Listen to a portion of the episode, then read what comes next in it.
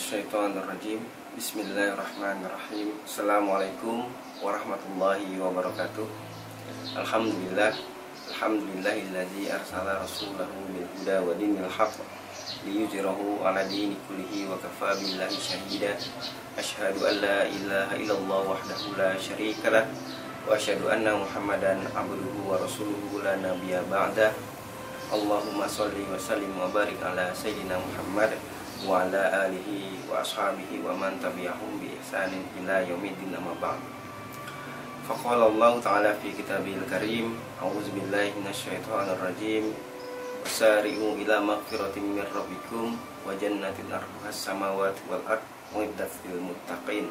Shadaqallahu azim. Alhamdulillah para pemirsa yang dirahmati oleh Allah Subhanahu wa taala kembali lagi kita akan membahas perkara-perkara yang uh, bagaimana kita memperkuat kepribadian Islam kita.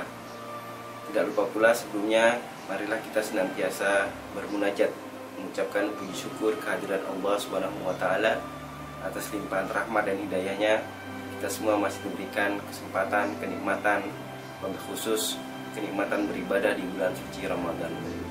Salam dan salawat kita juga sampaikan kepada junjungan kita Nabiullah Nabi Muhammad Sallallahu Alaihi Wasallam kepada para keluarganya, sahabat-sahabatnya dan kepada umatnya yang senantiasa mengikuti jalan dan petunjuk beliau.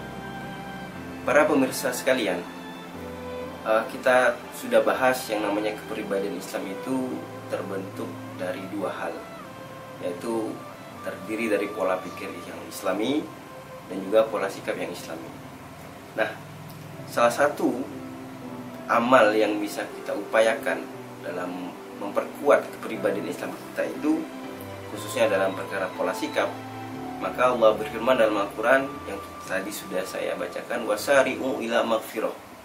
Bersegeralah kepada maghfirah ya, ampunan kepada uh, Allah Subhanahu wa taala. Para mufasir menafsirkan ayat ini yaitu Al-Quran Surah Ali Imran ayat 133 Wasari'u ila maghfiratim mir rabbikum. Sari'u itu kata Imam Al-Qurtubi itu adalah mayujibul maghfirah wahya ta'ah. Jadi kita bersegera kepada kewajiban-kewajiban yang Allah bebankan kepada kita yaitu ketaatan kita kepada Allah Subhanahu wa taala. Artinya, kalau kita hendak mencapai maghfirahnya Allah, maka kita senantiasa melaksanakan ketaatan kita kepada Allah Subhanahu wa taala. Maghfiratim mir rabbikum wa jannatin ardhas samawati wal ard uiddat lil muttaqin. Jadi bersegeralah kamu kepada ampunan Tuhanmu pada Allah Subhanahu wa taala wa jannatin ardhas samawati wal ard dan kita akan mendapatkan surganya yang seluas langit dan bumi uiddat lil muttaqin yang disediakan bagi orang-orang yang bertakwa. Para pemirsa sekalian, jadi makna mafiroh tadi eh, kata Imam Al-Qurtubi yaitu kita senantiasa melaksanakan kewajiban kita kepada Allah yaitu dalam makna dalam arti yang sebetulnya ketaatan kita kepada Allah Subhanahu wa taala. Berikutnya juga tidak sekedar ketaatan. Tetapi dalam melaksanakan amal tersebut maka dibutuhkan yang kedua itu adalah keikhlasan. Keikhlasan kita kita melaksanakan kewajiban itu lillahi taala karena Allah Subhanahu wa taala. Jadi bukan karena uh, desakan paksaan, bukan juga karena uh, tidak enak di hati dengan orang lain dan segala macam. Nah, tetapi keikhlasan itu muncul betul-betul dari dalam diri kita karena memang kita ingin menjalankan perintah Allah Subhanahu wa taala. Dan yang dimaksud dengan uh, al-maghfirah tadi itu pula dikatakan uh, yaitu taubat ya. Taubat dari segala macam perbuatan-perbuatan maksiat yang kita lakukan. Nah, ini tiga uh, bagian ya. Kalau kita ingin wasarihu ila maghfirah, bersegera kepada ampunan kepada maghfirahnya Allah Subhanahu wa taala, maka tiga ini yang kita upayakan. Yang pertama tadi menjalankan ketaatan, kewajiban-kewajiban kita kepada Allah. Lalu yang kedua kita uh, selalu menunjukkan keikhlasan dan yang ketiga kita menanamkan tobat kepada Allah SWT atas segala dosa-dosa yang telah kita lakukan. Lalu berikutnya Allah juga berfirman dalam Al-Quran surah An-Nur ya, ayat 51 A'udzubillahi minasyaitonirrajim. Innama kana qaulal mu'minina idza du'u ila Allah wa rasulih liyahkuma bainahum ayyaqulu sami'na wa ata'na wa ulaika humul muflihun wa may yuti'illah wa rasulahu wa yakhshallaha wa yattaqi fa ulaika humul faizun. Jadi kata Allah innama kana qaulal mu'minina idza du'u ila Allah wa rasulih. Jadi sesungguhnya perkataan orang-orang yang beriman apabila iza du'u ilallahi wa rasuli apabila diseru kepada Allah dan Rasulnya liyah bainahum ayakulu sami'na wa atona maka mereka e, mengucapkan terhadap apa yang diputuskan kepada mereka itu sami'na wa atona kami dengar dan kami taat dan makna dari sami'na wa atona tidak lain tidak bukan adalah ketaatan kita kepada Allah Subhanahu wa taala bi taat wa ulaika humul muflihun dan mereka itulah orang-orang yang beruntung. Lalu di An-Nur 52 juga Allah berfirman, "Wa may yuti'illah wa rasulah." Jadi barang siapa yang taat kepada Allah dan taat kepada Rasulnya, ya, wa yakhsyallah dan dia juga takut kepada Allah, ya, wa dan dia juga bertakwa kepada Allah, faulaika humul faizun. Mereka itulah orang-orang yang mendapatkan kemenangan. Nah, kemenangan itu dikatakan dalam tafsir Imam Qurtubi adalah dijauhkan dari api neraka dan dimasukkan ke dalam surganya Allah Subhanahu wa taala. Dua ayat ini kita sudah dapat mengambil uh, pelajaran yang sangat banyak bahwasanya bersegera kepada ampunan Allah itu berarti tidak jauh daripada ketaatan kita kepada syariahnya Allah Subhanahu wa taala. Tidak jauh daripada keterikatan kita dengan hukum-hukum syarat hukum Islam yang hukum Islam yang telah Allah bebankan kepada kita semua. Dan juga dalam ayat yang lain Allah tambahkan Al-Quran surah Al-Azab ayat 36 wa maka nalimu minu wala mu'minatin iza qalallahu wa rasuluh amron ayyakuna lahumul khiyaratu min amrihim wa may ya'sillah wa rasulahu faqad dhalla dhalalam mubina. Jadi wa maka nalimu minin jadi tidaklah patut bagi orang beriman wala mu'minah dan juga bagi perempuan yang beriman iza qadallahu wa rasul.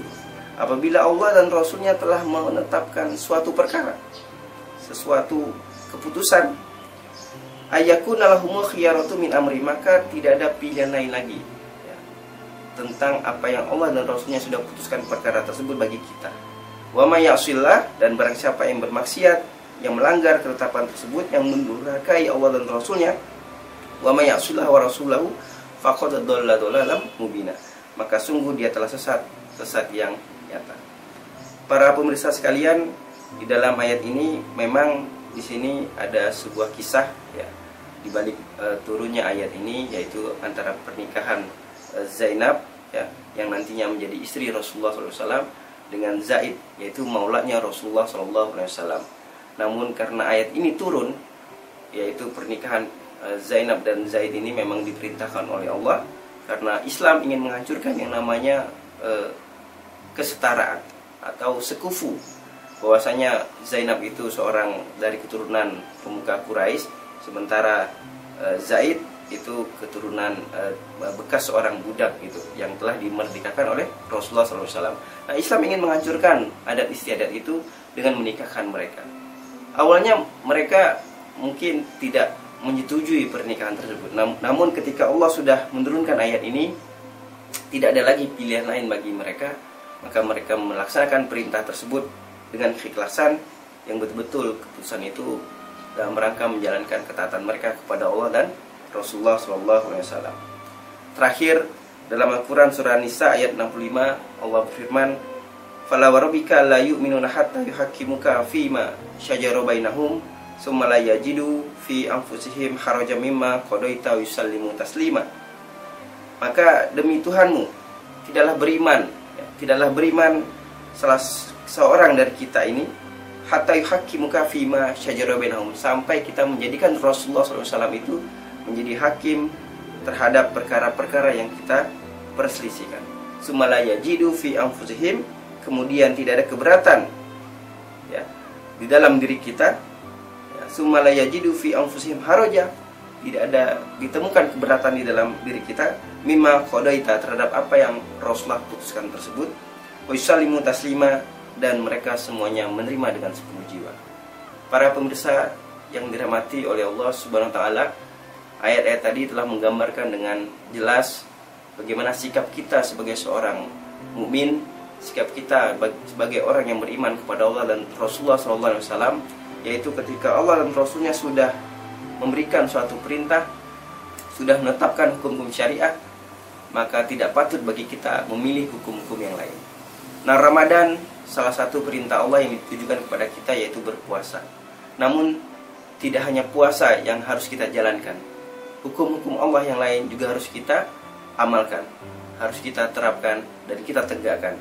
Bagi diri sendiri ada hukum bagi keluarga, ada hukum bagi masyarakat dan tentu saja ada hukum-hukum yang harus dijalankan oleh suatu institusi yang namanya eh, negara Islam atau khilafah Islamnya.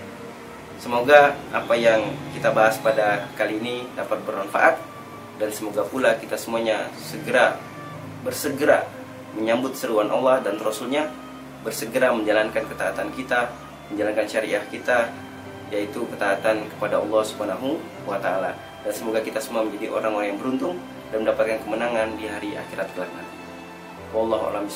Kurang lebihnya mohon maaf. Billahi taufik wal hidayah. Assalamualaikum warahmatullahi wabarakatuh.